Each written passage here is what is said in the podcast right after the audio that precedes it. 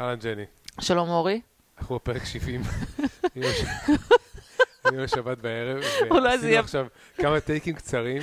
אולי זה יהיה הפרק האחרון, כי אורי עצבן אותי ברמה כל כזאת. כך עצבנתי אותך עכשיו, בכוונה גם. אורי, יש לו, הוא נהנה. אני צריך לחמם אותך. אני לא יכולה לעמוד בזה, מה שעושה לי. בקיצור, יכול להיות שזה הפרק האחרון, ולכן כדאי לכם מאוד להאזין, כי יכול להיות שיותר לא יהיה. אני לא יודעת אם אני אצליח לעמוד בעצבים האלה שנית.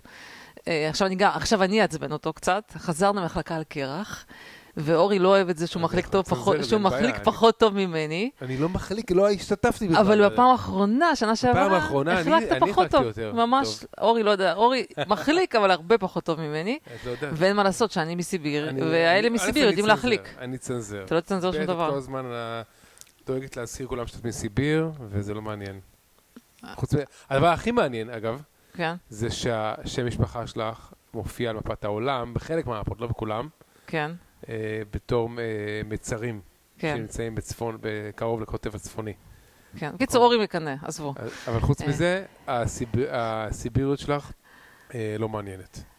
אוקיי, אנחנו נלך, אנחנו נעשה קרב החלקה על הקרח, ואנחנו נראה מי מצליח יותר. השבוע הבא, אני אעשה לך challenge. אני אוקיי, יכול להיות שאני אתאמן לפני זה. אוקיי, ראיתם? טוב, השם של הפרק הזה, חשבתי על השם היצירתי הבא, 2021, שנת הפיל האדום. כן, עכשיו, כמובן הכוונה היא... pill. כן, שנת ה red pill, כי אני חושבת, אנחנו, ככה כמה דברים שנדבר עליהם בפרק, זה שאני יותר, שמה לב ליותר ויותר אנשים שהם בעצם נחשפים לנרטיבים השקריים בתקשורת המיינסטרים, וזה מדהים אותי לראות את הרד פילינג הזה, אפילו לא במובן הפוליטי, במובן של פשוט להבין שהתקשורת היא לגמרי מניפולטד נרטיב, מדהים אותי לראות את זה בשידור חי, ואני חושבת שככה אני אזכור את השנה את הזאת. מכירה מישהו באופן אישי, שפתאום נהייתה לו הערה, והוא גילה שעבדו עליו? או שזה רק אנשים ש... אגדות אורבניות על אנשים כאלה? אני חושבת שהמקרה של קיילי ריטנהאוס גרם להרבה מאוד אנשים אה, די לקבל חום מהתקשורת. אני חושבת שזה המקרה, כי בגלל שהרבה אנשים ראו את המשפט בשידור חי, וראו את, הסיק... את הסיקור של התקשורת, זו הייתה נקודת מפנה גדולה. אני לא יודע אם יש אנשים להרבה כאלה, אנשים. באמת, זה מה שאני אומר. לא, לא, ברור שיש אנשים. אני חושבת שכן. טוב. אמ, סיפ- אתה יודע, יש הרבה אנשים שלא רוצים לצאת מההיפנוזה שנמצאים בה, כי נוח להם להיות בהיפנוזה הזאת, אבל בסדר, אנחנו, אני קצת אראה לך דוגמאות, ותגיד לי אם הצלחתי, אם הצלחתי להוכיח את התזה שלי או לא הצלחתי להוכיח את התזה שלי. אה, חוץ מזה, השבוע היה לנו Thanksgiving, חג ההודיה בעברית. אה, זה חג שאני אישית הכי אוהבת, חג אמריקאי שאני הכי אוהבת, בגלל שהוא, אין עליו כאילו לא נוצרות ולא חג דתי, זה חג שהוא כאילו אמריקאי, הוא גם טוב למהגרים, ואנחנו אירחנו השבוע די הרבה אנשים. אה, עכשיו, אני לכ- לכבוד החג הכנתי כזה קטע קריאה, והתעניינתי באיך הטקס... אוי, אתה מקשה כל כך, אורי, אין מה לעשות. נו. לא יודע, זה אי אפשר ככה להמשיך. תמשיכי, נו. אני מבטא את התסכול שלי מהפוזה. בקיצור, ה- ה- מה, ש... מה שמיוחד בחג הזה, שהפעם הראשונה שחגגו אותו, זה היה קטע שהאירופאים חגגו אותו ביחד עם ה-Native Americans. האירופאים בהתחלה הגיעו הברית, הם לא ידעו, עם האונייה מייפלאואר, הם לא ידעו איך אה, לגדל לעצמם אוכל שמתאים לאקלים פה, ולכן הרבה מתו מרעב. American זה Native American. או- בקיצור, אורי, אתה לא נותן להתרכז זה ממש הורס כל הפודקאסט, אני לא אני יודעת איך אנחנו נשחרר את זה ככה. לא, אבל לא יודעת איך נשחרר את זה ככה. כן. אה, בקיצור, אז הם לא, לא היה להם מספיק אוכל, הרבה מהם מתו, ואז ה-Native Americans החליטו לעזור לאירופאים, לימדו אותם לגדל דברים שיותר מתאימים, אני חושב שזה תירס, לא יודעת, אולי דלעת, לא יודעת בדיוק איזה סוגים של גידולים, ואז האירופאים כן הצליחו, והיה להם יבול גדול, ובתור הקטע של להודות אה, על מה שהיה, הם עשו ארוחה גדולה והזמינו גם את ה-Native Americans לארוחה הזאת, וזאת הפעם הראשונה בעצם שחגגו את זה ביחד. וזה זה כאילו הנרטיב כזה חיובי סביב החג הזה.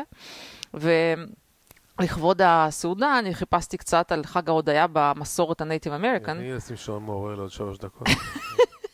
חיפשתי, חיפשתי אה, במסורת ה Native, איך, איך זה במסורת ה Native Americans, זה חג מאוד חשוב אצל Native Americans, ושני דברים מעניינים שיש להם, זה שהם אומרים תודה על מה שיש להם כבר עכשיו, וזה נחשב, שאתה יודע, שאתה לא צריך לקחת את זה מובן מאליו, וזה שאתה חוזר על הדברים זה מחזק. כן, כמו חיים משה. בגדול. ו... ויש את החלק היותר מעניין, שהפתיע אותי שלא הכרתי, זה שהם אומרים תודה על מה שהם רוצים שיהיה להם. וזה סוג של אה, צורה כזאת, זה מה שנקרא מניפיסטיישן, שיש בתרבויות אחרות, שאתה בעצם, עצם זה שאתה חוזר, עושה כאילו אפירמציות של מה שאתה רוצה שיהיה לך, למשל אתה אומר, אה, יש לי זוגיות נפלאה, למרות שעוד אין לך זוגיות, כן, או שיש לך בעל נורא מעצבן, אתה אומר, יש לי זוגיות נפלאה, ואז פתאום הזוגיות הופכת לנפלאה. יש לי זוגיות נפלאה. אנחנו לא שיכורים אגב, וזה לא קשור לחלקה על קרח. בקיצור, אז השיטה הזאת של להודות על העתיד, זה משהו שקיים גם בתרבויות אחרות, ולא הכרתי שזה בנטיב אמריקן, זה ממש יפה. זה נורא הרגש אותי, כי זה גם קצת קשור למה שאני עושה באפליקציה שלי, אז היה לי כזה גילוי מרענן.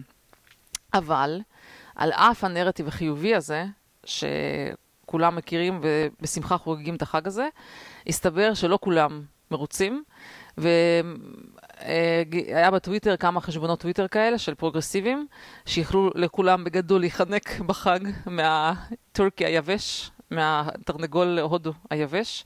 אז uh, יש את uh, Women March, איך זה נקרא? Uh, כזאת תנועה, תנועה פמיניסטית כזאת, מאוד פרוגרסיבית. uh, שהם שלחו אימייל, התרמה, שביקשו התרמה מהאנשים, והתרמה שהם ביקשו, התרומה שהם ביקשו, זה היה 14.92. דולר. הם ביקשו את התרומה הזאת, או שהם הודיעו שזה היה הממוצע? זה כאילו...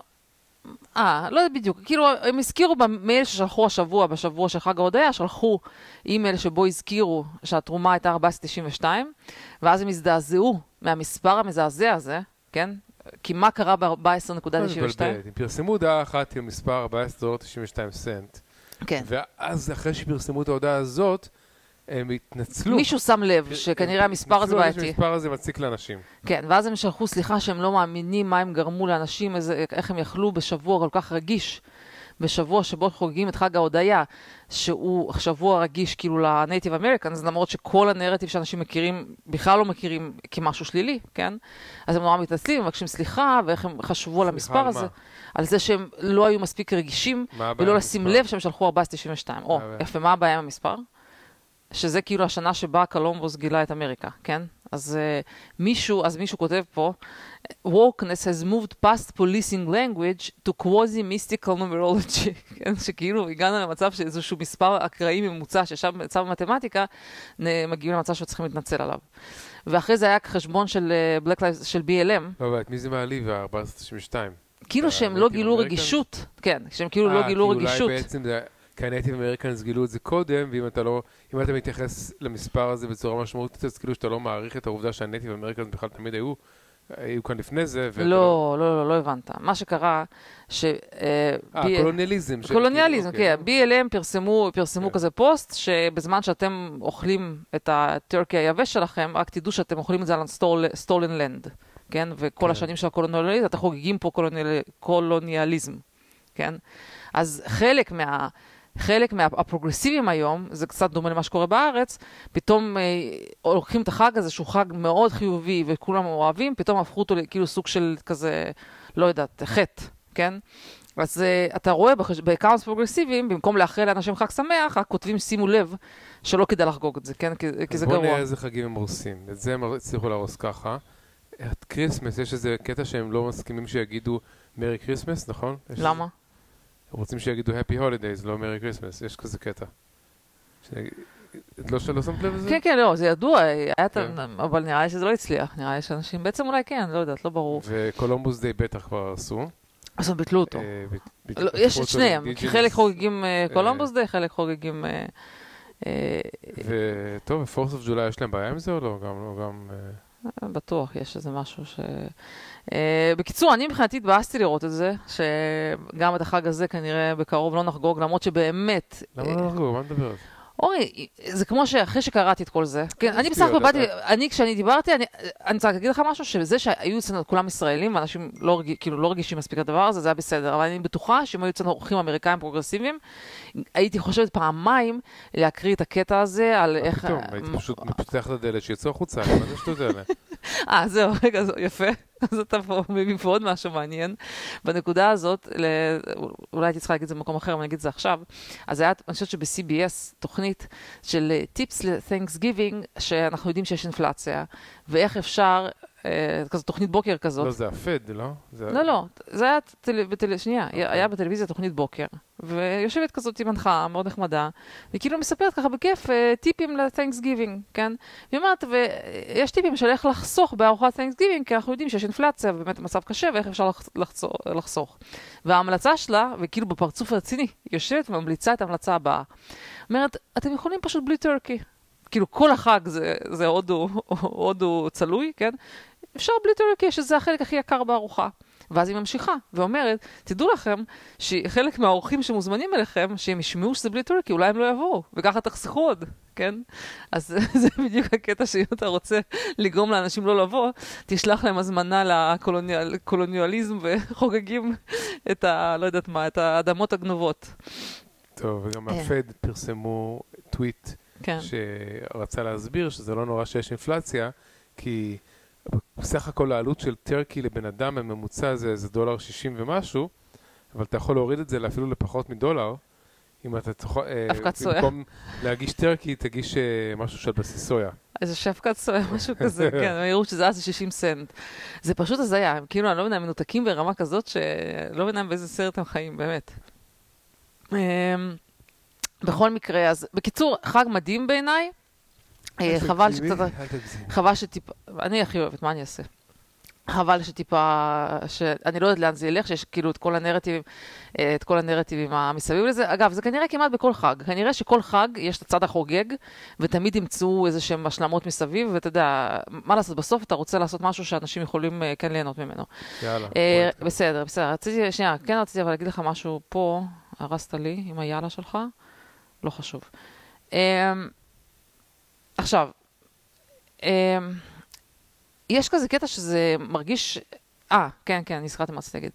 שדיברנו איתך על זה שבארץ אין חג שבו עושים אה, grateful או הודיה על משהו. כאילו, אנחנו לא מכירים שום חג ישראלי או יהודי שבו יש אה, מסורת של להודות על מה שיש לך. לא בטוח. זה- כן, אז אתה אמרת שאתה... מה, בפורים אתה מודה על אה, זה, על זה שהצילו את, אה, נו. ש- אה, שהחיינו וקיימנו לא, והגיענו ש- לזמן הזה? בפורים שהצילו את היהדות פרס. אבל אתה מכיר כזה טקס שאנשים אומרים, אני מודה, כאילו, אני פחות מכירה את הקטע של ההודיה, אולי יש את זה בתרבות היהודית, אבל אני פחות מכירה את ההודיה, ואז אתה אמרת שיכול להיות שזה חג מתן תורה, שאז אומרים, אומרים תודה, ואז לא. אמרתי לך שזה... אומרים, ש- לא, אומרים בבקשה. בבקשה, בקיצור אמרתי לך, בקיצור אמרתי לך ש- שחג מתן תורה זה נראה לי לא תודה, שאף אחד לא רוצה את התורה, אז זה חג הלא תודה. טוב, לא אה, הצלחנו לשחזר את הבדיחה. לא הצלחנו. מה- מההקלטה הקודמת. אבל הנקודה היא ששאלתי את ה... דרך אגב, גם אם אתה במצב נרדמות, לא, קשה אני- מאוד מה אני לנהל את אעשה? השיחה. הכרחת אותי לעשות הקלטה נוספת, מה אני אעשה? נראה לי שזה יותר גרוע מהקודם, אני אף אחד מהם לא אני ישוחרר. אני מנסה קונספט חדש. קונספט שבו אני כל כך עצבני שזה מצחיק. אוקיי, זה לא- זה סתם הורס. טוב. חכי, חכי לסוף. אה, סגר. טוב, אני אגיד לך, אני כן מחפשת משהו חיובי לכבוד החג, ובכלל, בתור ה vibes של הפודקאסט הזה. זה vibe ש- של לשעמם? כן, את מבינה ו- שאנשים לא רוצים דברים אה, שמחים ו- ופוזיטיביים, חיוביים וכאלה. זה לא מעניין. בקיצור, אז הדבר. הדבר החיובי זה מה שאני, מה שאני קוראת לו הקטע של ה-red pill, של משהו שבאמת הדהים אותי השבוע, ואתה יודע שאני תמיד מחפשת משהו שמרגיש לי אה, כאילו לא חשוב, אתה יודע, שאנשים לא שמו לב אליו בתור חדשות, אבל בראייה ההיסטורית שאולי זה הדבר הכי חשוב שקרה השבוע. אה, אז בעיניי הדבר הכי חשוב שקרה השבוע, קשור לאילון מאסק? לא. איך זה יכול להיות? טוב, אתה מעצבן אותי, אני לא, לא מצליחה למצוא את זה. איפה זה? אה. שנייה. let's go ברנדון. בגלל שעצבנת אותי, אני לא יודעת איפה זה עכשיו. אז זה, זה כאילו הקטע, אני חייבת למצוא את זה, כי זה הקטע המרכזי, אי אפשר לוותר על זה. את צריכה לעשות שיעורי אוריינות בשימוש בטוויטר. זה קשור, כבר עש- עשיתי את המקסימום. זה רק בגלל שאתה מוציא אותי כאילו מהריכוז, אני יושבת ואני לא מצליחה להתרכז במה שאני צריכה. אז יכול להיות שזה נעלם. אני אומר צריך חג של האשמות. כמו שיש חג שנגיד מבקשים סליחה, או יום כיפור, אז צריך חג שאתה מאשים אנשים אחרים בכל מה שקורה לך. זה בטוח חייב להיות במדיה, בבוקמרק של המדיה, לא יכול להיות שזה לא פה. ואיך יכול להיות שזה... אה, הנה, בבקשה, צדקתי. כן. אז מה שהשבוע, אני חושבת, הדבר הכי מדהים מבחינתי שקרה השבוע, זה הקאבר של טיים והתגובה של האנשים לקאבר של טיים. כן? אז אני אזכיר, אזכיר בקצרה... מגזין. טיים מגזין, כן. עכשיו אני אזכיר בקצרה את הסיפור שהיה לפני כמה שבועות, שדיברנו ארוכות בפודקאסט. זה הסיפור של מה שקוראים לו whistleblower של, whistleblower של פייסבוק. איך קוראים לזה בעברית whistleblower? Um, יש לזה שם. אה, חושפת שחיתויות, לא יודע. לא, לא, יש לזה אבל איזשהו שם לדעתי. אה, קראו אה, פר- פרנצ'ס הוגן, משהו כזה, ואנחנו כבר, פרנסיס. פרנסיס הוגן, שהיא היא כאילו עבדה בפייסבוק, ואז חשפה את הזוועות שהולכות שם, ואנחנו כבר אז אמרנו ש... זוועות שפייסבוק לא מצנזרת מספיק. כן, ואז אנחנו אמרנו שיש שם בעצם, שהיא לא, לא, לא באמת whistleblower, שזה הכל קמפיין PR מתוזמן שמגיע מהדמוקרטים הפרוגרסיביים, מהתקשורת, ויש פה alignment של interests, שמצד אחד התקשורת רצתה, היא- מבחינתה ה-social network זה מתחרה חזק מדי, והם רוצים כמה שיותר לנסות להשתיק אותם ולצנזר אותם. הפרוגרסיביים, אפילו עם כל הצנזורה שפייסבוק עושים, עדיין מרגישים שזה לא מספיק, ועדיין הימין פעיל בפייסבוק, ויש כל מיני um, עוד uh, גישות ועוד דעות שיכולות להתקיים בפייסבוק, שהם לא יכולים לגמרי להשתיק את הכל, כן? אז יש הרבה מאוד אינטרס לגורמים של, של uh, uh, ממסדיים ולתקשורת להשתיק uh, ולצנזר יותר. אז כל ה... Uh, כל ה-whistleblower שהיה חרטא, כן? כמו שאז אמרנו.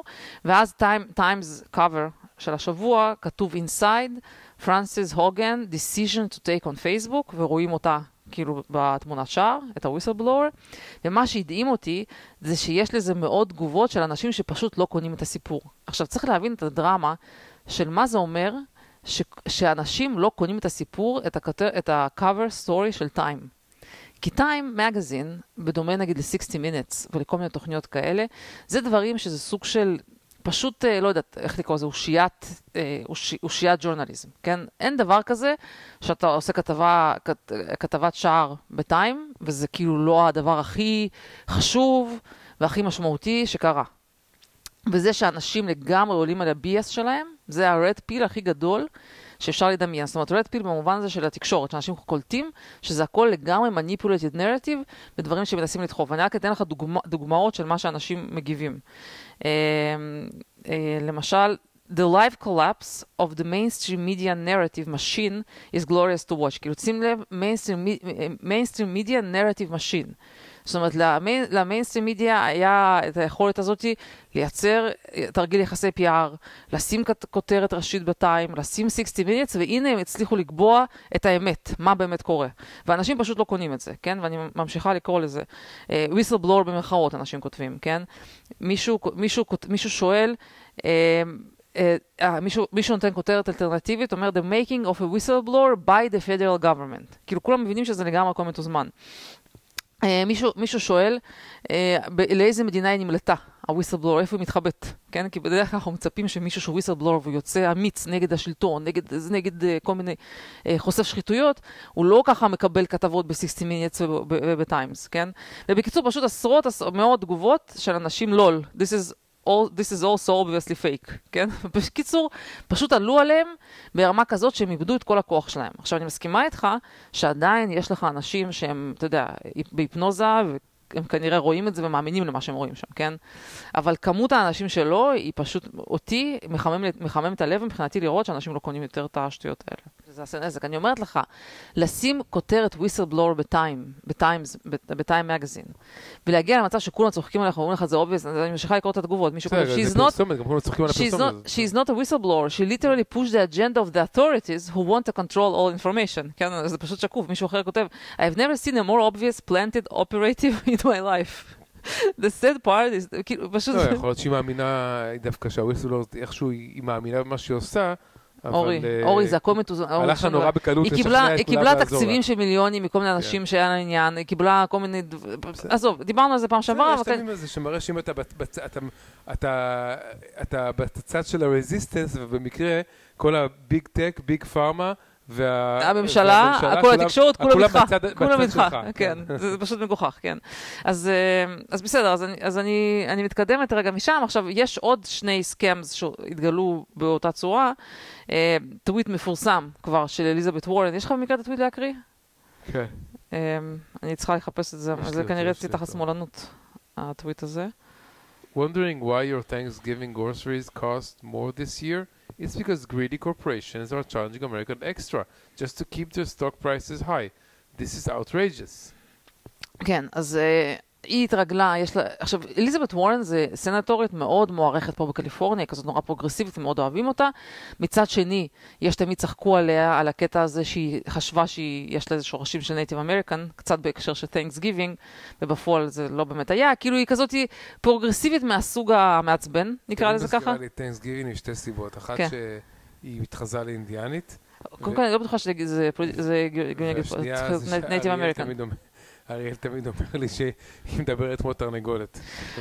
בקיצור, עדיין יש הרבה מאוד, אני, יש לי חברות שממש תופסות ממנה, אבל לפעמים אתה כל כך מסתבך בתוך השטויות שאתה מאמין בהן, שזה באיזושהי נקודה זה נחשף. כאילו כולם יודעים שזה הכל חרטה ברטה, כל מה שהיא כתבה, שזה לא קשור לגרידי קורפוריישנס, שיש בעיה של אינפלציה, יש בעיה של אה, שרשרות אספקה, זה לא קשור לזה שהן מעלות את המחירים אה, בגלל ש... טוב, מתי את מתכננת לנתק את הקשר עם החברות האלה? אה, לא, זה, זה אגב נגיד מקרה שאי אפשר, זאת אומרת, אי אפשר לשנות את דעתן, זה בטוח. כי זה שנים של שטיפת מוח כזאת, של כמה היא מדהימה וכמה היא טובה, וגם טוויט אחד זה לא, שנה- זה לא מבחינתם ישנה שום דבר, אבל שוב, אני ראיתי המון מאנשי טק שאני עוקבת אחריהם בטוויטר, שהיא גם הייתה סוג של גיבורה מבחינתם, זה סוג של מישהו שהם העריצו, ואנשים כתבו, חבר'ה, כאילו עד כאן. זה, הטוויט הזה, זהו, סופית שלום, אני סיימתי עם, ה, סיימתי עם הגברת הזאת, ומבחינתי, אם אני עד היום הזדהיתי כדמוקרט, זה מבחינתי הקש ששבר את גב הגמל. כי אנשים מבינים שהפופוליזם הזול הזה, של, של לא להבין שהם הדפיסו כסף, שהם, אה, שיש מלא בעיות אה, שקשור, שבכלכלה שגורמות לאינפלציה, לבוא וללכת בצורה הכי פופוליסטית, הכי זולה, להאשים את ה-greedy corporations, כאילו זה ממש אורי ברמה של כיתה א', של פופוליזם, שלא יודע, ברמה של לנין, שטויות שהוא היה עושה. זה פשוט לא מכובד אפילו שהגיע לרמה הזאת, כן? אז, היא, אז ה-red pilling זה לגביה, שראיתי הרבה מאוד אנשים... אה, כן, אבל פ- פול גרם כתב על על הקוואט, עשה קוואט טוויט ואמר שבעצם את יכולה להזדעזע אולי מה שהיא כתבה, אבל את לא קהל היעד, והקהל היעד זה אנשים אחרים שהם פשוט אה, טיפשים. וזה- זה לא קשור, אורי, זה לא יפה לדבר ככה, זה אנשים לעשות? שפשוט אה, אה, הכילו אותם בנרטיב הרבה מאוד זמן, ולא מספיק מעודכנים, נורא בבועה של אינפורמציה, לא מכירים את זה שהדפיסו כסף, לא מכירים הרבה דברים שקרו בשנה האחרונה שבאמת גרמו להעלאת מחירים. וזה התירוץ הכי נוח, אתה צריך, אה, אתה יודע, חג התירוצים, זה התירוץ הכי נוח לה, אה, לשים. השני, אגב, שהיה עליו, אה, שהיה עליו גם כן red pilling, כמובן לא כולם, כן? אבל זה ברני סנדרס, שהוא גם כן ממשיך עם הרטוריקה המאוד אנטי-קפיטליסטית, אבל אנשים כבר מזהים שהיא לגמרי פופוליסטית, כן? זה לא משהו רציני. זה סתם בוא נמסה מיליארדרים ואין לו שום הצעה מה לעשות. ומישהו עכשיו כתב, ובאמת היה פשוט בצורה שקופה, היא ראה את הדוגמה. אני ראיתי, מאוד אהבתי את הסקר שהוא עשה. הוא אמר, אם עכשיו היה סכנה קיומית לכדור הארץ, והיית יכול לתת 100 ביליון ל- אה, לאחד משני אנשים, להקים טאסק פורס ולנסות לעשות משהו, להציל את כדור הארץ מה... אה, מהסכנה הקיומית המתקרבת. ויש לך אופציה לתת את הכסף לאילון מאסק, או יש לך אופציה לתת את הכסף לברני סנדרס. ברני עדיין חי? אז, אז אה, ברור שהתשובה הייתה שם ברוב, לא יודע, 90 נגד, 90 נגד 10, לתת לאילון מאסק, אבל זה לא מפתיע. זה בדיוק הקטע הזה, שכמו שאני תמיד אומרת על הקטע של המיסים. אתה מעדיף לתת את זה לאילון מאסק שיעשה עם זה משהו מועיל, לא יודעת, יטוס ל space, יטוס פה, יטוס שם, או שתתן לברני סנדרס שסתם יחלק כל מיני שטויות, ואחרי שבוע כבר לא יזכרו שחילקו את הכסף הזה. כמו שקרה עם ה stimulus, כן? שהם סתם חילקו לאנשים, עשו אינפלציה, וזה לא, לא שינה שום דבר לאף אחד. אה, אז ברגע האמת, אנשים מבינים שהאנשים האלה פופוליסטים, והם תכלס לא עשו כלום. ברני סנדרס הזה, חוץ מרטוריקה פופוליסטית, לא תרם כלום. קומוניסטים. כן, לא הוא פופוליסטים. קומוניסטית אנטי-ישראלית ואת כל הזוועות, כל השטויות שהוא מדבר. הבן אדם הזה לא תרם שום דבר. באמת, לדעתי לו שום חוק מועיל, שום דבר. כן, ועוד, וכל הזמן יושב ומציק לאילון מאסק. פשוט מביך. אתה מסתכל על זה, אתה אומר כאילו, על מי הפופוליזם הזה עובד. טוב, אז אה, זה בנושא של feeling.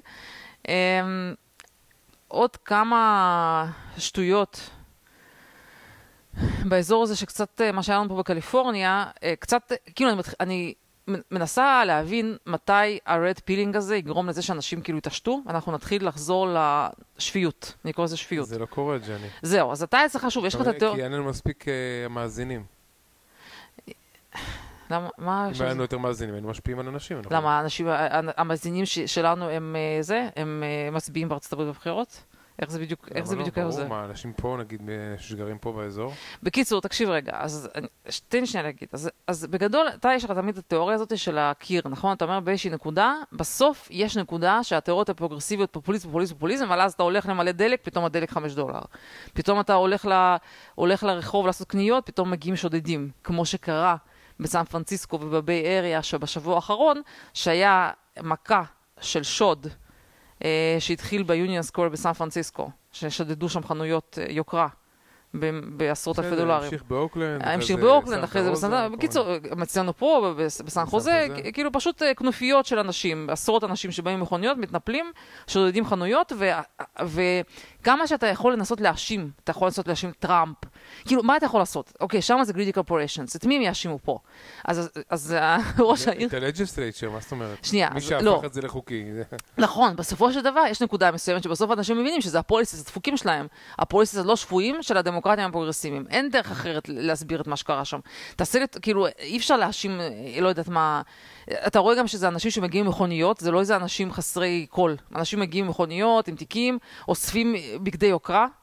ובורחים עם זה. תעשה לי טובה, זה, זה ברור לכולם שאנשים מנצלים את זה שאין אכיפה רצינית בקליפורניה, עשו זה לא חוקים. אכיפה, זה לא... עשו זה חוקים מקלים, לא, עשו חוק- חוקים מקלים, אתה יכול לגנוב עד אלף דולר ולקבל סיטיישן, שזה ממש כלום, זה שטויות, זה, זה אין, לאנשים לא אכפת. ו, ואין להם פשוט יותר, אין, זה, זה קיר, כי אין לך יותר את מי להאשים. אנשים מבינים שזה אשמתם, זה פשוט פוליסיס דפוקים. ואני רוצה להתחיל לקוות שזה, שזה ישפיע. עכשיו, מה שהרג אותי, וזה עוד המשך של red pilling, אתה רואה את זה ואתה מבין מאיפה זה מגיע. מי כתב את הטוויט המפגר הזה, שמה אתם מתלוננים ששוברים חלונות בסן פרנסיסקו? כן, מה, מה הוא באיזה תוכן? סת רוגן? מה- מה התפקיד? הוליווד. הוא בהוליווד, כן, אז הוא הוא כתב... כתב ש... לא, אז אנשים הפיצו שעוד פעם מישהו, ש- בסן פרנסיסקו יש כזה קטע, שאנשים עוברים ושוברים חלונות אחד אחרי השני למכוניות חונות, כן? אז אנשים התלוננו על זה, שזה כבר, כבר הגיעו מים עד נפש, מספיק עם זה. ואז מה הוא כתב? הוא כתב שגם אצלו כבר איזה 15 פעם, לא, שלא, זה לא כזה, זה קרה לו מלא פעמים, וזה חלק מהחוויית החיים בעיר. וזה, אתם ת- תבינו שזה חלק מהחוויית החיים, וזה זה קבלו. לא, אבל אני רוצה להגיד שזה לא כזה נורא, זה בסדר, זה קצת מתקנים את זה, זה לא כזה, זה לא כזה סיפור. זה לא כזה סיפור יקר, ואנשים כתבו, אמרו, סליחה, אולי לך זה לא יקר, לנו זה לא יקר לתקן את החלונות השבורים האלה, זה לא... זה לא הגיוני לזלזל בעבודה של אנשים אחרים ולהגיד שזה לא נורא, שברו לך את החלון, אז לך תתקן, תתקן, לא נורא, לא קרה כלום. כאילו המנותקות של האליטות האלה, שהם, כל ההפקרות הזאת שהם הביאו אליה, שאנשים עושים מה שבא להם ואין חוק ואתה יודע, אין דיין, ובסוף, עכשיו אתה פתאום קולט מאיפה זה מגיע. מזה שהם באמת לא מבינים שלא כולם יכולים להרשות לעצמם לתקן, לתקן את הדברים האלה, ובכלל, למה שלאנשים לא יהיה זכות לחיות בצורה נורמלית, שקטה ובלי פשע? כן, מה אתה רוצה להגיד? אה, אני רוצה להגיד, לא חשוב, אפשר להתקדם, אם לא מצאת את כן. הטוויט, אפשר להתקדם. כן. לא מצאתי את הטוויט. טוב, אה, חבל, אני מאוד מאו- מאוכזב ממנו, כי זה לא מפתיע אותי, כי הוא כבר היה, הציג כבר דעות אה, של אה, כן. בעבר. כן. אה, לא היה הרבה ציפיות ממנו, אבל ממשיך. כן, אבל אני אומרת לך, אבל שוב, אנשים, אחד הדברים היפים שיש בטוויטר, או, או פלטפורמות אחרות, שאנשים מביעים את העמדות המטומטמות שלהם, למה אני לא בעד צנזורה? כי פשוט אתה קורא את זה, ואתה אומר, אוקיי, כל אחד מדבר, הם פשוט מדברים שטויות כאלה, שפתאום אנשים קולטים את זה, אומרים, אוקיי, זה באמת הדעות שלכם? אז חבר'ה, כאילו, עזבו אותנו. אנחנו, אנחנו, לא, אנחנו לא במחנה של הפיגור הזה, כן? לא, אמ, מה שעצוב פה שאחרי זה החברות האלה, הריטיילרס האלה, שיש להם חנויות, יסגרו חנויות. ברור שיסגרו. ואז בשכונות שכאילו לא- יהיה חנויות, ואנשים יצטרכו רק להזמין. והכל יהיה כזה עיר רפאים, ואי אבל זה- אפשר להחזיר את זה אחר כך. נכון, מסכימה איתך, זה מה שבסוף יקרה. ולדעתי ל legislature, לסנאט של קליפורניה, לדעתי יש להם יכולת מחר, או יום שני, לעשות חוק שמבטל את השטות הזאת. במקום, הפוך, ו- להגיד, בדולר הראשון אתה הולך, יודעת, ממש להחמיר את העונש. כן, הם יכולים לעשות את זה מחר. ואתה תראה איזה הפתעה תהיה. הם יחמירו את העונש ולא יהיה, ולא יהיה. לא יהיה שום גניבות. כן. זה ו- מיד יפעל, מיידית. אבל אנשים בקליפורניה הם נורא אהבו את גווין ניוסם, הם הצביעו לו, אז אה, זה לא מתקדם, שום דבר לא מתקדם. טוב. טוב, בוא נדבר כמה מילים. אה, דרך אגב, אתה יודע שפעם ראשונה, עכשיו זה כאילו ה Black Friday, למעשה אתמול היה Black Friday, פעם ראשונה, לא רק שלא הלכתי לחפ... לקנות שום דבר, גם לא חשבתי, לא עניין אותי לקנות. ואתה יודע מה הסיבה? קודם כל שכבר קניתי הכל. כאילו, בזבזתי כל מה שיכולתי, קניתי מלא שטויות. אבל הסיבה היא שבאמת זה סתם שקר, כל ה Black Friday הזה. מלא פעמים שהיה כאילו מבצע, אחרי זה הלכתי לשבוע אחרי זה, היה עוד יותר זול. בסדר, זה זה לא- אנשים כולם... אה, הם כאילו על מעלים את. המחיר, עושים כ- כביכול מבצע, וזה לא שווה שום דבר, סתם קשקוש. גם את ה Cyber Monday אני לא מתכננת. באמת, ודרך אגב, אמרו שהייתה ירידה של 30% ב- בק- במכירות בחנויות. בסדר, אבל כל השנה אנשים הזמינו המון. ב- כן, אנשים פשוט כבר, כאילו זה איבד- איבד מה- כן. מהקונספט שלו, כן. טוב, בואו נתקדם. אה, טוב, בואו נגיד עוד כמה מילים על השטויות שקליפורניה עושה, כי זה גם סוג של אה, קיר. זה הקטע שהם רוצים לבטל מבחנים, נכון? ב-SAT, כמו הפסיכומטרי, לקבלה לאוניברסיטה, ובאופן כללי שהם רוצים לפגוע במתמטיקה מתקדמת ב middle school. כאילו, אלגברה, לא רוצים שילמדו אלגברה ב middle school. עכשיו, זה כמובן הכל דברים שאנחנו מאוד מתנגדים אליהם, ויש ניסיונות אה, כאילו לעשות פושבק, אבל זה באמת, אני שוב לא מצליחה להבין איך אנשים מסכימים לטמטום הזה. וכשאתה מנסה לחשוב מי מרוויח מזה, אני ואתה ראינו לא מעט אה, טוויטים על זה שמסתבר שאוניברסיטאות יוקרתיות, למשל אוניברסיטאות פרטיות כמו הרווארד, או לא יודעת, כל מיני כאלה, הרבה מהסטודנטים שמתקבלים ש- מתקבלים שם, הם לא מתקבלים, מתקבלים לפי merit, הם מתקבלים מה שנקרא legacy students. שמה זה legacy students? זה students שנגיד האבא שלהם היה תלמיד, תלמיד באוניברסיטה הזאת, נגיד בהרווארד, או תרם הרבה כסף, כן? עכשיו, אגב, אמרו שזה משהו כמו 30 אחוז. עכשיו, ואז אתה מבין למה יש אנשים מסוימים, את אמרתי 60 אחוז. אחרי זה אנשים אמרו שזה, שזה לא היה נכון. אחרי אוקיי. זה, אבל גם 30 אחוז זה הרבה, בסדר? זה לא מעט. כן. אז בעצם, בעצם מה הטענה? שדווקא מבח... קבלה לפי merit לאוניברסיטאות, היא דווקא מיטיבה עם ה... פחות עם האליטות, מיטיבה עם מעמד הביניים, אנשים רגילים, מהגרים, כל מי שסתם רוצה ללמוד, להתאמץ ולהצליח בבית ספר, כן? במיוחד אם הוא סיני. SAT, SAT וכאלה דברים. ודווקא ברגע שאתה עושה תהליך הקבלה לא אובייקטיבי, ואתה אומר, עזבו, עזבו SAT, עזבו זה, תעשה איזה חיבור למה התנדבת ואיך עשית, זה הרבה יותר פרוץ לכל מיני קשרים, לכל מיני שיטות של לא יודעת מה, ללכת... זה, זה ברור, ש, ברור שברגע שאין לך מדד אובייקטיבי של, של ציונים או של SAT, זה לגמרי הופך להיות יחסי שחיתות. כן, מאוד עצוב שהם עושים את זה, אה, וזה ברור, ברור מי הולך להרוויח מזה, כן? תראי, כבר יש תביעות של אסיאתים שתובעים את ייל, למשל. אבל אה, אה, ביידן. הפסיק, את ה- הוא זרק את התביעה הזאת. כן. תקשיב, הם הגישו את התביעה, ואז ממשל טראמפ תמך בזה. והם הפכו את זה כאילו לממשלה שגם המדינה תובעת את ייל. וביידן הגיע והם העיפו את התביעה הזאת. כן. זה מאוד, כל הסיפור הזה של חוסר הבנה שאתה צריך לעשות לפי merit, וזה קליפורניה מובילה בפיגור הזה, זה פשוט באמת חוסר הבנה. זה, אין, מיל, אין לי מילים לתאר עד כמה זה אידיוטי. אני חושב שההיסטוריה של זה בגדול התחילה מזה שהיה נגיד SATs והיה אה, של בית ספר וכאלה, וכאילו הבגרות. כן. ולאט לאט, אה, נגיד, בוא נקרא לזה סינים, אבל בגדול, נניח שזה... אסיאתים, כן, תגיד, נו, אה, פשוט למדו יותר קשה בתיכ... בתיכון, אולי גם הם הגיעו עם איזה כישרונות מיוחדים שאני לא יודע, אולי ההורים שלהם אה, לימדו, אה, שלחו אותם לחוגים, אה, לאין סוף חוגים אחרי בית ספר וכאלה דברים, והם הצליחו לפצח את השיטה לכאורה, ולהתקבל יותר בקלות לאוניברסיטאות. אורן, אין פה מה לעשות. אז אוקיי, שנייה. מי שרוצה להתקבל, ואז שיתאמץ, מה שנייה, לעשות? ואז כן. מה שקרה, אני מדבר לך היסטוריה, שיעור כן. היסטוריה. ואז מה שקרה, שהאוניברסיטאות היוקרתיות אמרו, טוב, כנראה שהצליחו לפצח את השיטה עם ה-SATs וכאלה, אז אולי נחשוב על משהו, על, על קריטריונים שה-SATs לא תופס. ואז ה-SAT לא תופס דברים כמו אקסטרה קוריקולר, כאלה דברים. נגיד אם אתה מתנדב במקומות, אתה צריך כאילו להראות שאתה... כותב באיזה עיתון, כן, כל שאתה, מיני, שאתה כן. כאילו כן. בן אדם שהוא ראונד, שאתה כן. דמות, שאתה דמות שיש שאתה לא רק חורש, אה, כן. חורש לבגרויות.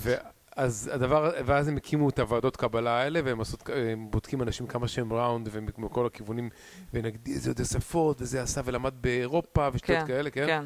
ו, ואז גם מה שקרה, בנוסף לזה, אה, בהמשך לזה, אותם אה, אסיאתים אה, למדו גם גם את. השיטה הזאת. לא, ואז- כן, אז כולם בגיל חמש מנגנים כן. מנגנים בכינור, כן. והולכים ברור, כן. זה פשוט, מה לעשות? ו- בסופו של דבר, אתה בס- בסוף אתה צריך לעשות שיטה שהיא בוחרת, ת- ת- ת- כן צריכה להסתכל על SAT. אגב, בארץ ראיתי מלא מחקרים שבסוף לא יעזור, לא יעזור בית דין. הדרך הכי טובה לנבא את ההצלחה של הבן אדם ב- בלימודים זה לפי הפסיכומטרי. כמה שינסו להמציא, לעשות וזה, בסופו של דבר זה הפסיכומטרי. עכשיו, יכול להיות שיש מקצועות מסוימים, שהם מקצועות לא, כאילו יותר הומניים, יכול להיות שזה, אתה יודע, זה קצת יותר גמיש, כל הטווח שם של אה, על מה נכון להסתכל. אבל גם שם, אתה יודע, אתה צריך להיות מסוגל להתבטא טוב, לוגיקה, חיבור, יש לך מלא, כאילו מלא skills שאתה חייב להיות טוב בהם אם אתה רוצה להיות רציני, כן? בקיצור, זה עוד במסגרת, ה...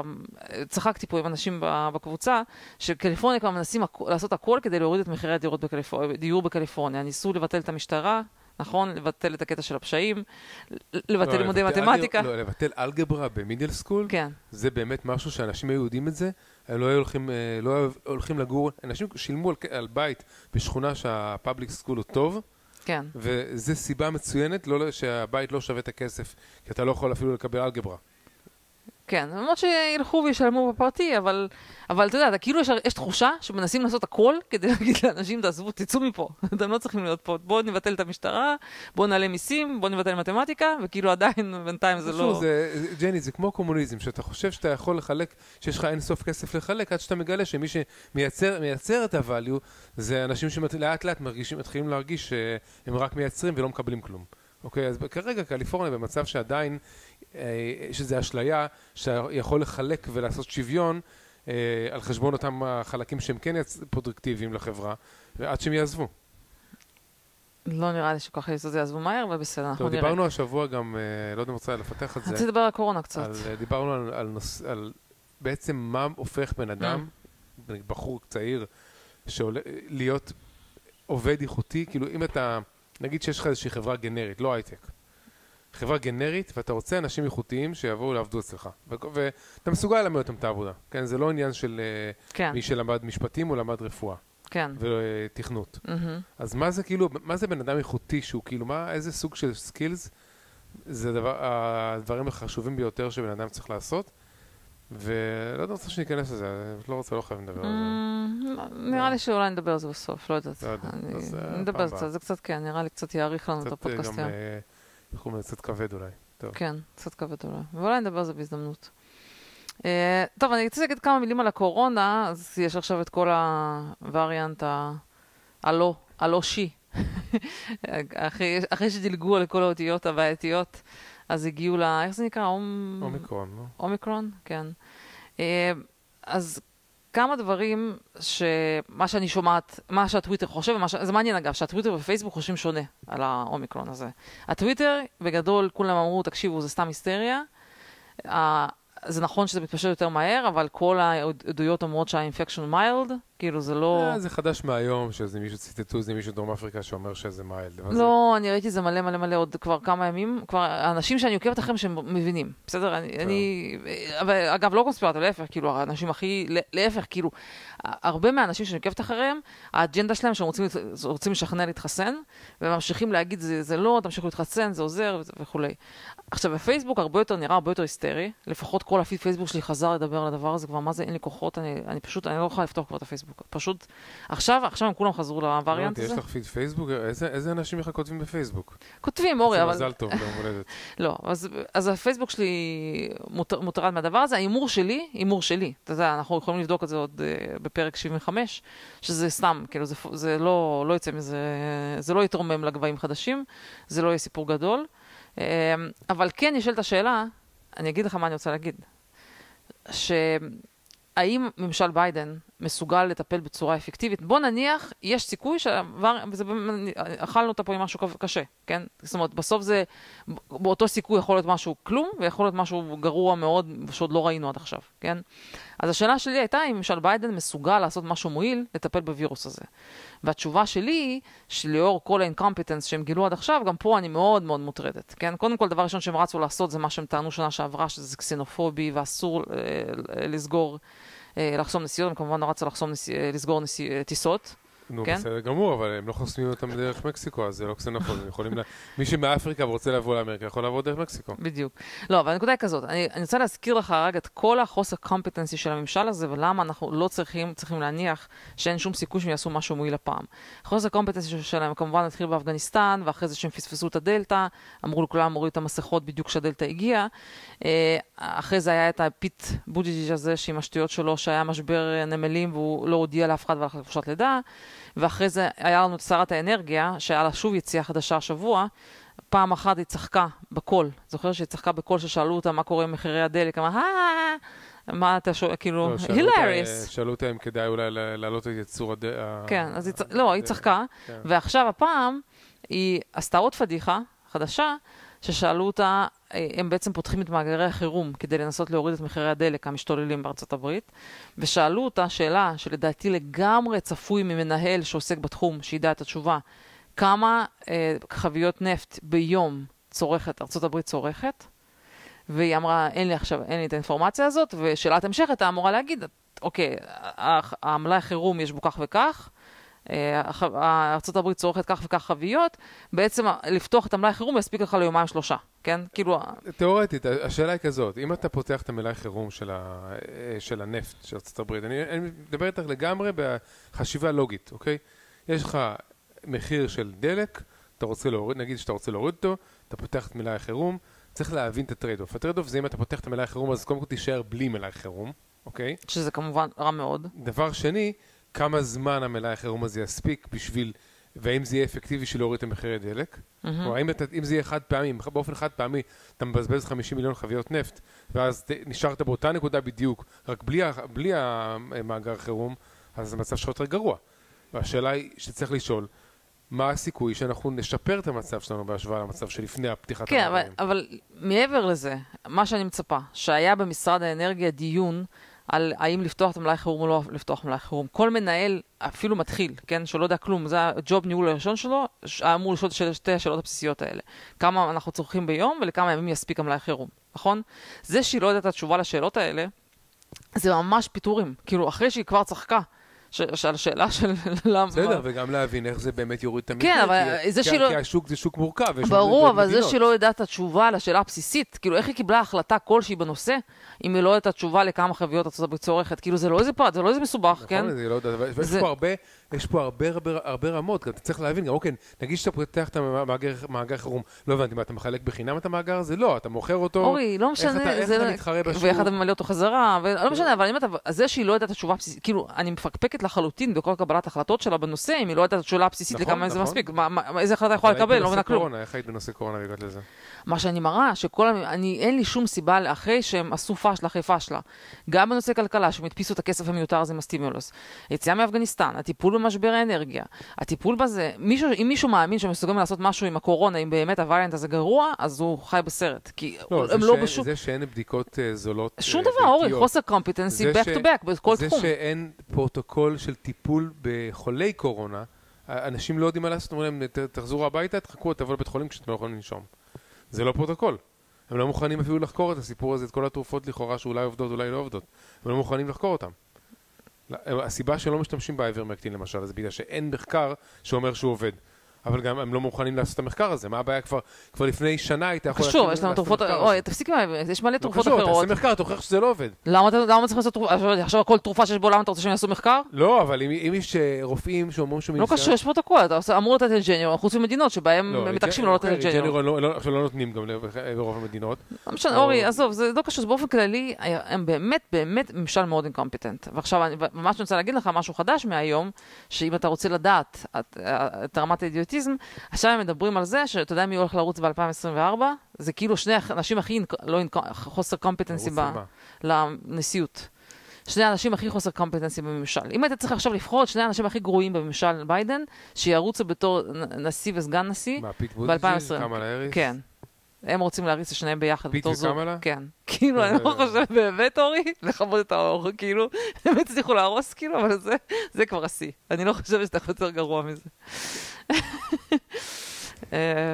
בקיצור, טוב. אני רוצה להגיד, אני רוצה שנעשה היום פרק יחסית קצר, אני רוצה כן לדבר קצת על, על מה שקורה בוויקיפדיה, אזהרת ויקיפדיה, כי זה, די הייתי בשוק מזה. לא יודעת, אולי אני צריך לקפל היום יחסית מוקדם.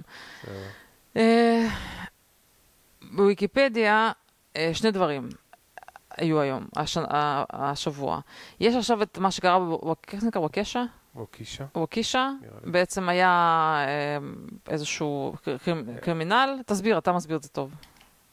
היה אירוע שבן אדם עם עבר פלילי ולכאורה עבר של, אה, של התבטאויות שנאה אה, הגיע עם SUV, דרס במהלך מצעד חגיגי, דרס עשרות אנשים, שישה נהרגו כולל איזה ילד בן שמונה והבן אדם הזה לא ענה בעצם מה שקרה זה שכל האירוע הזה הוא לא שיחק לנרטיב שהתקשורת אוהבת.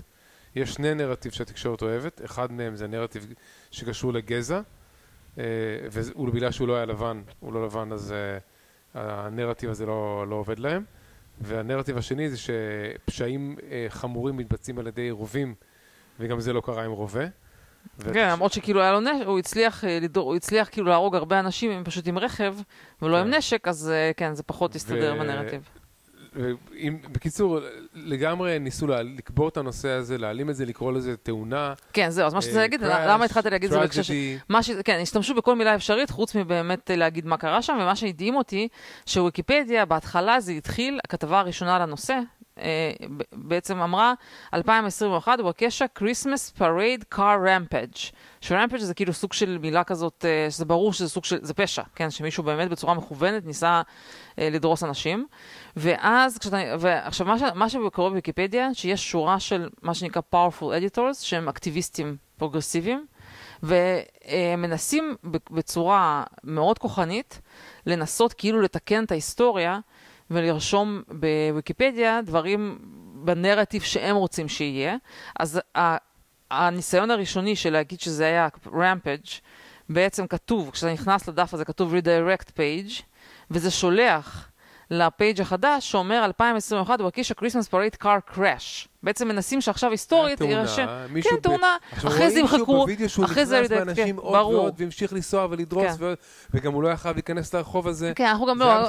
תשמע, צריך להגיד ככה, זה ברור שיש פה, זה לא סופית הוכח, ויש משפט והכול, אבל יש פה הרבה מאוד דברים שכן מרמזים לגמרי שזה היה בכוונה, וצריך להזכיר שהתקשורת בדרך כלל מאוד, אה, יד מאוד קלה על ההדק, כן? את הקייל ריטנהאוס הזה מהמשפט של שבוע שעבר, אה, הפכו אותו ל mass murderer, ובפייסבוק ובכל מקום, ופה פתאום כאילו משהו שהוא לגמרי די ברור, אה, ויחסית יחסית, הסיפור הוא די ברור, פתאום כולם נזהרים, בואו נחכה לסיום החקירה. גם אף אחד לא בא לבקר ולא, את הפצועים. כן, עכשיו. יש ילד, ילד מת, מלא, יש שם עוד ילדים פצועים קשה, מאושפזים, קמאלה כאילו נעלמה.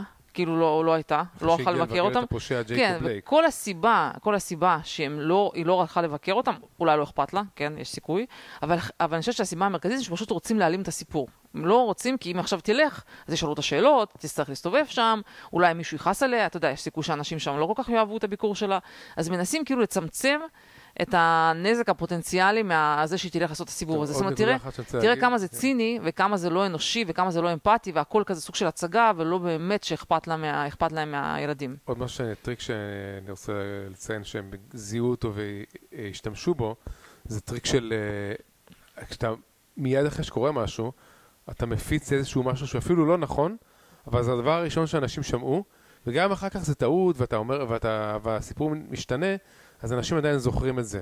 אז במקרה הזה של האירוע דריסה הזה, התקשורת מיד רצה והפיצה שהדורס הוא בעצם ברח מאיזושהי זירת פשע אחרת.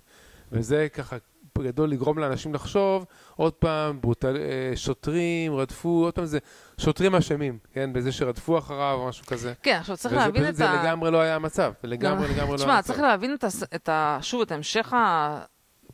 נזק שנגרם מזה שכל הזמן כאילו מנסים אה, להגיד שהשוטרים לא בסדר. השוטרים הם בסוף לא מטומטמים, כן? יש כבר, אין לי עכשיו את המקרים האלה, אבל יש כבר כמה מקרים שהשוטרים פשוט עמדו בצד, ממש רואים פשע מתבצע ומעדיפים לא להסתבך, כדי שבטעות לא ייגרם איזושהי תקלה שאחרי זה הם יסתבכו בה, וזה בסוף מונע, כאילו זה בסוף פוגע, כן? רק במקרים ממש ממש קיצוניים שלא יודעת, אולי יש סכנה ברורה מיידית בווידאו רואים את הכל, אולי אז הם יתערבו. כבר ראיתי כמה מקרים שבהם או שלא היה מספיק שוטרים, יש גם בעיה ששוטרים מתפטרים מהעבודה. היה עכשיו מקרה ש... שמישהו מת מהתקף לב, כי היו חייבים שהשוטר יגיע, חיכו לשוטרים ולא היה מספיק שוטרים לשלוח, אז הפרמדיקים לא יכלו להיכנס לדירה בלי שוטר, וככה בן אדם מת. כן, אז כל הנרטיבים האלה שכל הזמן מנסים להוציא, להפוך את השוטרים כאילו לאויבים, בסוף גורמים לזה ש... שזה מייצר uh, מחסור בשוטרים וחוסר אכיפה. anyway, אבל אנחנו בכלל דיברנו על זה בגלל הוויקיפדיה. ואני רוצה עכשיו להראות לך עוד שני מקרים מעניינים של, של ויקיפדיה, שאני ממש הייתי בהלם. אז... קומוניזם או משהו? כן, אז כתבה אחרת בוויקיפדיה, שאנשים הסבו את, את, את תשומת לב, נקראת Mass Killings Under Communist Regimes, וכתוב, uh, וכתוב על ה... כשאתה נכנס לתוך הדף הזה, יש כתוב This article is being considered for deletion in accordance with Wikipedia's deletion policy. זאת אומרת, הגיעו למסקנה שהם לא אוהבים את ה... לא אוהבים את הנרטיב הזה. מנסים להעלים מההיסטוריה את העובדה שקומוניזם גרם ל mass killings. כן, בדיוק. כי, אה, כי בעצם כל הפרוגרסיבים שהם אוהבים את הקומוניזם, הם לא רוצים שיהיה סביב קומוניזם כאילו עילה... אומרת, לא רוצים שידעו את האמת על הקומוניזם, כן? מנסים להציג את זה בתור איזה משהו חיובי, ולא מזכירים את הקטע הזה שזה נחשב, שזה גרם לאולי 100 מיליון הרוגים, כאילו אם אתה לוקח את ארצות הברית, סליחה, את ארצות הברית, את ברית המועצות וסין ביחד, לדעתי זה בקלות 100 מיליון איש שהם הצליחו להרוג. היום אגב ראיתי משהו, פוסט מאוד יפה שמישהו כתב בטוויטר, הוא אמר, עשינו, עשינו A-B testing לקומוניזם, כן? שים לב. אמר, צפון קוריאה מול דרום קוריאה, וגרמניה המזרחית וגרמניה המערבית. אומר, עוד לפני שאנחנו מדברים על סין וברית המועצות, זה לגמרי A-B testing, וכאילו התוצאות ברורות, אין יותר מה להתעסק עם זה. תשימו את זה, תסיימו עם זה, זה פשוט לא, קפיטליזם תמיד ניצח. לא יעזור שום דבר, כן? זה פשוט מדהים שאנשים חוזרים לרעיונות המפגרים האלה שוב ושוב. ועוד באמריקה, כאילו, כאילו כן, מצאתם איפה לנסות לדחוף את זה. השטאזי לא היה מספיק חזק לא, במזרח גרמניה, צריך שטאזי יותר חזק קצת. כן, ואיך אתה מסביר את הצפון ודרום קוריאה? לא ברצינות. אתה יכול להגיד, זה לא בדיוק, אבל זה ממש A-B testing, זה קלאסיקה. יותר טוב מזה אתה לא יכולת לעשות. זה לא שבצפון קוריאה אמרו, בואו נקים קומוניזם, זה לא היה ככה, זה... רודם, יש להם עכשיו קומוניזם, תראה את המצב שלהם. זה לא קומוניזם, ג'ניזם. אבל זה מה שקורה, קומוניזם בסוף תמיד נגמר ככה. מה זאת אומרת? זה בסוף השיטה. טוב, עכשיו הדבר השני שרציתי... שזה בכלל, כאילו, סיפור שהוא ממש מעניין, אני חייבת למצוא אותו, כי זה ממש, זה מופיע אצלי שני, שני פוסטים אחד אחרי השני. אוקיי. אז מישהו, יש, היה עכשיו פוסט מאוד uh, מפורסם, שהסתובב בטוויטר ובפייסבוק, uh, פירמידה כזאת של תיאוריות קונספירציה. אני מניחה שהרבה אנשים ראו. Uh, אינפוגרפיקה? כן, אינפוגרפיקה. פירמידה הפוכה? כן, שמישהי שהיא כן. חוקרת קונספירציות. ובעצם, כאילו, הפירמידה מתחילה למטה, זה כאילו grounded in reality, נכון? מתחיל מלמטה, אחרי זה ממשיך לך ל... Uh, things that actually happened, we have questions, משהו שאולי חשוד. Uh, והגרועים ביותר, יש אחד שנקרא dangerous to yourself and others, כן? והגרוע ביותר זה כאילו ממש... Uh, הם אומרים שזה כאילו סוג של אנטיסמיטיזם, uh, of no return, וכאילו זה כאילו זוועה, כן? עכשיו. זה, איך אומרים לזה? לדוגמה, flat earth, כאילו זה למעלה למעלה, בפירמידה. זה flat, אני עכשיו פותחת את זה, flat earth. כן. אה, רגע, אצלי בכלל, סליחה לצערי, אצ, אצלי במקרה, הטוויט שאני כרגע רואה זה דווקא אחרי זה הפיצו פירמידה כאילו הימין הפיץ, לא משנה, אוקיי. בסדר, אני, אני, אני, אני, אני רגע אפתח עכשיו את הנקודה הזאת. עכשיו, סתם דבר אחד שאני שמתי לב אליו מיד, שהיא זאת שהפיצה את הפירמידה הזאת. עכשיו, צריך להגיד, בפירמידה הזאת, יש מלא, כאילו, דברים הזויים שאפילו אין לי מושג מה זה. זה אני לפעמים חושבת שזה סוג של קונספירציות, שזה בדיות שמישהו ממציא, שהן בכלל לא... לא, ג'ני, את לא מכירה את כל הסיפור. אוקיי, יכול להיות. מאחורי כל דבר יש מלא חרטא, whatever. לא, יש סיפור. יש לא, אבל יש שם... שנייה, יש שם באמת דברים של קונספירציות, כן? אבל יש כמה דברים שהסבו את תשומת ליבי, דווקא דברים שאני כן מכירה, ופה יש לי שאלות, אוקיי? אז הדבר הראשון, מסתבר שלפירמידה הזאת היה שתי גרסאות, היה גרסה של שנה שעברה וגרסה השנה.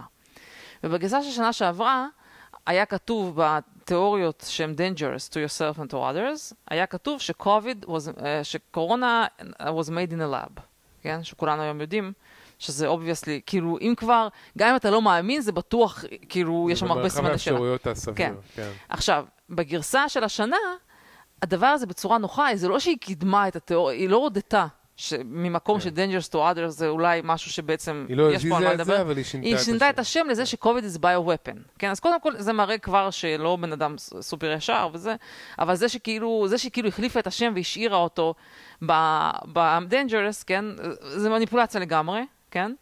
אבל מה שיותר הסב את תשומת ליבי, וזה כאילו השוק שלי היה, זה שראיתי שבאזור האנטישמי, כן, באזור שהתיאוריות הכי מסוכנות, הופיעה תיאוריה שנקראת cultural marxism. עכשיו, אתה יודע, אני שומעת מרקסיזם, אני ישר נדלקת, יש לי אלרגיות, אלרגיה למרקסיזם, אמרתי, מה קשור, מה קשור, מה זה cultural marxism ולמה זה תיאוריית קונספירציה ולמה זה אנטישמי, כן? כן.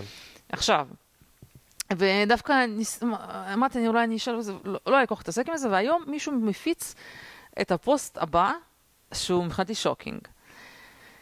מסתבר שב-2014 ויקיפדיה היה, היה כתוב cultural marxism, וזה לגמרי הוסבר בצורה לחלוטין לגיטימית. מה זה cultural marxism? זה היה כאילו לגמרי מושג שהוא לא קונספירציה, כן? כן. בעצם מה שכתוב, cultural marxism refers to a school of uh, Marxism that, con- that conceives of culture as central to the legitimation of oppression, in addition to the economic factors that Karl Marx... אז כאילו מסבירים שקלצ'ר מרקסיזם זה איזשהו סוג של תיאוריה שהיא חלק ממרקסיזם וכולי וכולי, כן? כן. בסדר? באלפ... עם השנים, כמו שעכשיו אנחנו רואים שלאט לאט משנים, מתקנים את הוויקיפדיה, נעלם ה-cultural marxism מהוויקיפדיה, ועכשיו כתוב cultural marxism conspiracy theory, אוקיי? בעצם כאילו, וכאילו זה משהו שהיה מושג לגיטימי עד לפני כמה שנים, כן? לגמרי כאילו מושג שאנשים הסכימו, ה-scholars, או לא יודעת, אוניברס... חוקרים הסכימו עם זה, פתאום החליטו לקרוא לזה conspiracy theory, כן?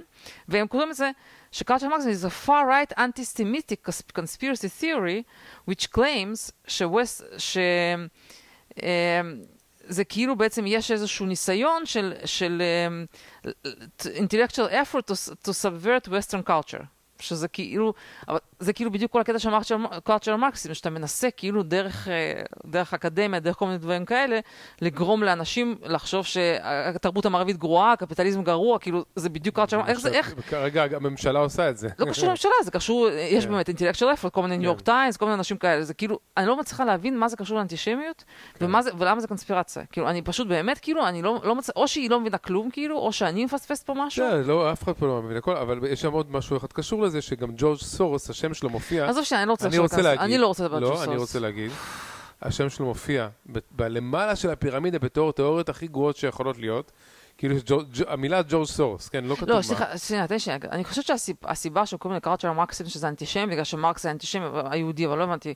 כל רעיון... אני לא יודע אם זה קשור. אז למה זה אנטישמי? כאילו, מה זה קשור? למה זה אנטישמי? אתה יכול להסביר לי? לא יודע, אני לא חקרתי. לגבי ג'ורג' סורוס, אז כן. קודם כל, טענה היא שזה גם תיאוריית קונספירציה אנטישמית, בגלל שהוא יהודי גם כן. נו, זה כל, כל, כל רעיון גרוע שיש ליהודי זה הופך להיות אבל אנטישמי. משהו לא קונספירציה, זה שג'ורג' סורוס, אה, הוא מנהל את ה-open society הזה, הוא, בא, הוא תורם כסף. open society אה, תורם כסף לקמפיינים של district attorneys ו... פרוגרסיביים. פרוגרסיביים קיצוניים מאוד. כל מה שקורה בלוס אנג'לס, בסן פרנסיסקו, ואפילו ב... איפה זה היה עכשיו? הדריסה הזאת, איפה כן. שהיה בדריסה, כן. כן. זה district attorneys קיצוניים. זה כאילו גישה שאומרת, אנחנו. ננסה, במקום להעניש פושעים, אנחנו ננסה כל מיני שיטה שהיא לא ענישה. שלא לדבר על אנטיפה, שלא ברור גם איפה, הם כאילו, הם מייצרים, יש פה איזשהו ניסיון לייצר כאוס גם, זה, לא, זה יותר מסתם גישה. לא, ג'ני. זה עכשיו אתה אתה עכשיו לוקח, זה עכשיו- זה אתה שלוקח את זה קונספירציה. אני לא לא קשור, מה זה מה זה ניסיון? תקשיבי, זה- זה ש- זה שיש בסן פרנסיסקו district attorney שהוא מאוד מאוד פרוגרסיבי, והוא לא בעד להעניש פושעים, זה לא קונספירציה, זה מה שקורה, להפך, עכשיו recall נגדו בדיוק על הנקודה הזאת. כן, אבל... אז אבל לא זה- אני לא מצליחה להבין מה הקונספירציה אני, פה. אני חושב שיש פה איזה ניסיון לייצר כאוס. מה אני אגיד לך? אני לא חושב שזה לא. קונספירציה, ככה זה נראה. זה מה... זה לא קשור, יש לו דע- דעות מאוד אה, לא טוב, שפויות. דבר, דבר נוסף... לא, אבל אני אגיד לך למה, הסיבה, אני אסביר לך מה, מה שאני חושבת שקורה פה, שהסיבה שקוראים לזה קונספירציה, ואומרים שזה אנטישמי, זה השיטה הקלאסית להשתיק את זה, להגיד, אה, אתה מתנגד ל district attorney הפרוגרסיבי הזה, שנגד לעצור פושעים, אז אתה אנטישמי ואתה, זה כאילו, לא, זה... אנחנו מתעסקים ב- באנטישמיות הרבה. אבל למה כל הקונספירציה, למה קוראים לזה קונספירציה אנטישמית? אני לא מצליחה אני להבין. לא יודע, ג'ני, לא יודע. וחוץ מזה גם כתוב, גם, גם המילה deep state, גם נמצאת שם למעלה איפשהו בתיאוריית הקונספירציה הבלתי ניתנות להעלות על הדעת, כשידוע ש... תלוי מאוד בהגדרה מה זה deep state, כן? אבל uh, מה לעשות? שבממשלה יש הרבה מאוד גורמים ש... לא קשור, מה שעשו לטראמפ, זה שה-FBI כן. והתקשורת והדמוקרטים עשו כן. לו תרגיל ועשו לו תפרו תיק, כן. לא הבנתי. אז זה אתה לא- יכול זה לקרוא לזה כאילו- deep state, לא אבל- יודע, תקראו לזה משהו כן. אחר, תעשו שחיתות, לא יודעת, מה זה משנה, כאילו זה סתם יש זה- שם. כן. לא, היה שם הרבה דברים שהם, כאילו, זה קונספירציות וכל מיני דברים הזויים, כן? אבל זה פשוט הסב את תשומת ליבי, איך, כאילו, באמת לא הצלחתי להבין מה הם רוצים, כי זה דבר, מושגים שאני מכירה כמושגים לגמרי לגיטימיים, כן? ו, והבנתי, כאילו, שיכול להיות שבאמת זה אנשים שחיים באיזשהו סוג של בועה, היא הולכת לוויקיפדיה, כתוב שם, cultural marxism conspiracy theory. היא- אבל היא מסתבר לא- שזה השתנה בחמש שנים האחרונות, מתיאוריה לגיטימית, פתאום הפכו את זה לקונספירציה. זה לגמרי, תקשיב, זה ממש, ש... כאילו, אתה מנסה לשנות, שוב, זה דברים טריוויאליים שאני מכירה, בגלל זה הייתי כל כך בהלם. ו... אבל אה, אולי אני לא יכולה להאשים אותה אם היא הולכת לוויקיפדיה וזה מה שכתוב שם, מישהו שם שתל את זה. זה המצב. טוב. טוב, בואו נסיים בנימה אופטימית. יצא לנו פרק קצת כבד, לא, קבע, לא חשבתי יודע, שיצא כזה פרק כבד. כן? אני רוצה לסיים. יש, לי, בנושאים, יש לי את אילון מאסק. אה, כמה טוויטים של אילון מאסק, שהוא כרגיל מציל את האנושות.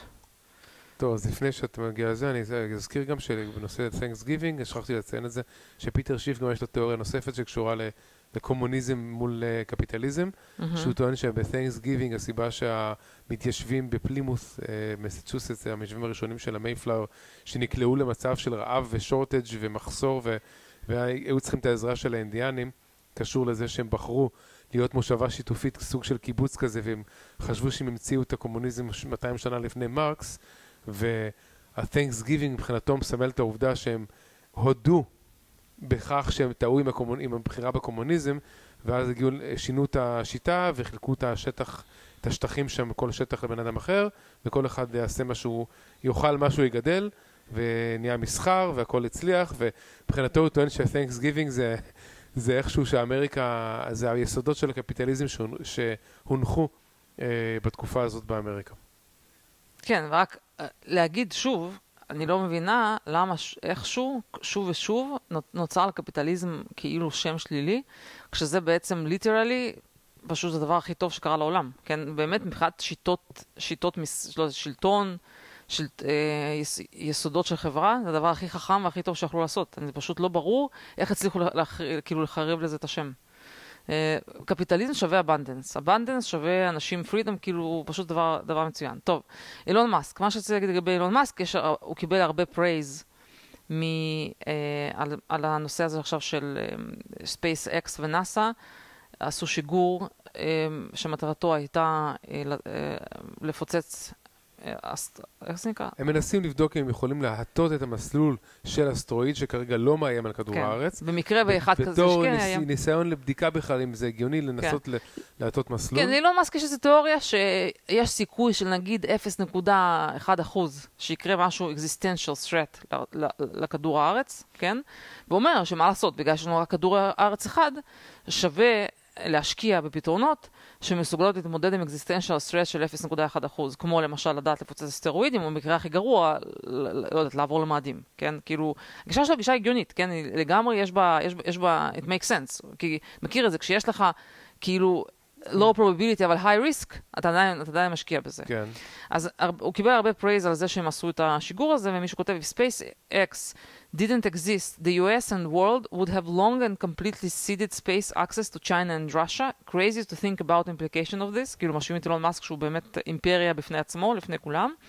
אנשים ממשיכים ואומרים שב-1998 היה את הסרט ארמגדון, ששם זה היה לגמרי נראה כאילו מדע בדיוני, שמישהו הולך, ב- באמת מתמודדים עם המקרה הזה של יש אסטרואיד, וש... אסטרואיד. אסטרואיד ושצריך uh, לפוצץ אותו, והנה ב-2021 נאס"א וספייסקס הולכים ועושים את זה, שהם עושים, שזה amazing to see. ומה ששוב אנשים שמים לב אליו, שאם יש בן אדם אחד, או קבוצה של אנשים שלא מברכת את אילון מאסק על ההישג המדהים הזה, של לנסות uh, להציל את כדור הארץ מ-existential threat, זה ממשל ביידן, שפשוט לא גאה בזה. כולם אומרים, תקשיבו, אתם בתור אמריקאים צריכים להיות גאים בזה, תראו איזה יופי האנשים שלכם עושים, וכאילו את ביידן ואת קמאלה, לא, זה לא מעניין, לא הוציאו לא טוויט, לא התקשרו אליו, לא להגיד כל הכבוד, שום דבר, כאילו זה לא קרה, כן, שזה מדהים. אמ, והיה איזשהו קטע שאילון מאסק העלה תיאוריה, כששאלו אותו למה ממשל ביידן מתעלם, מתעלם מהם, אז אמר שיכול להיות שהם NPCs, ופשוט בסקריפט שלהם, בעץ ההחלטות שלהם, המילה טסלה לא מופיעה. הם פשוט כאילו, כאילו התעל, מתעלמים מקיומה של טסלה וספייס-איקס, ואומר, אני רוצה לעשות תרגיל, לגרום להגיד את המילה טסלה. ואנחנו בינתיים עד עכשיו לא שמענו, הם ממשיכים כאילו לטעון שכל הקטע של uh, מכוניות ירוקות זה כל מיני שטויות של בולט, שבכלל לא מייצ... שעכשיו בכלל כן. כאילו לא מסוגלת. לייצר מכוניות ירוקות. אני חושב כן. שדוקטור פאוצ'י ומעבדת ווהאן היו כל כך אפקטיביים ב gain of function, שצריך לתת להם אה, לנסות גם לפתור את הבעיה של האסטרואיד. בקיצור, אה, בקיצור, אז אה, אנחנו נברך את אילון מאסק. אז כמו שאמרתי, אני חושבת שהשבוע היה שני מאורעות היסטוריים משמעותיים. זה ה-red שאני- שהדהים אותי שטיים, שהמגזין טיים איבד את הכוח שלו, על היכולת שלו לקבוע את הנרטיב, ואיבד את השליטה שלו על ה... לא יודעת, על האנושות ועל הזה. טוב, והשיגור יש של לך אילון שיר? מאסק. יש לך שיר? כן, יש לי יאללה, שיר. איזה. שיר? נחש איזה שיר. אה, אני, יש לי ניחוש. תתקדמי, תתקדמי קצת. קידמתי. אחרי קידום. כבר. קידמתי.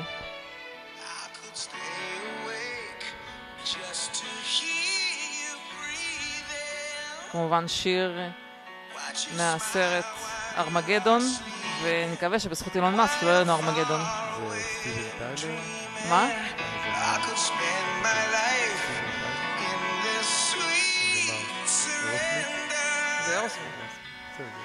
זה וחגים שמחים, חנוכה שמח לכולם, Thanksgiving שמח, נמסטה. שלום. להתראות. ביי.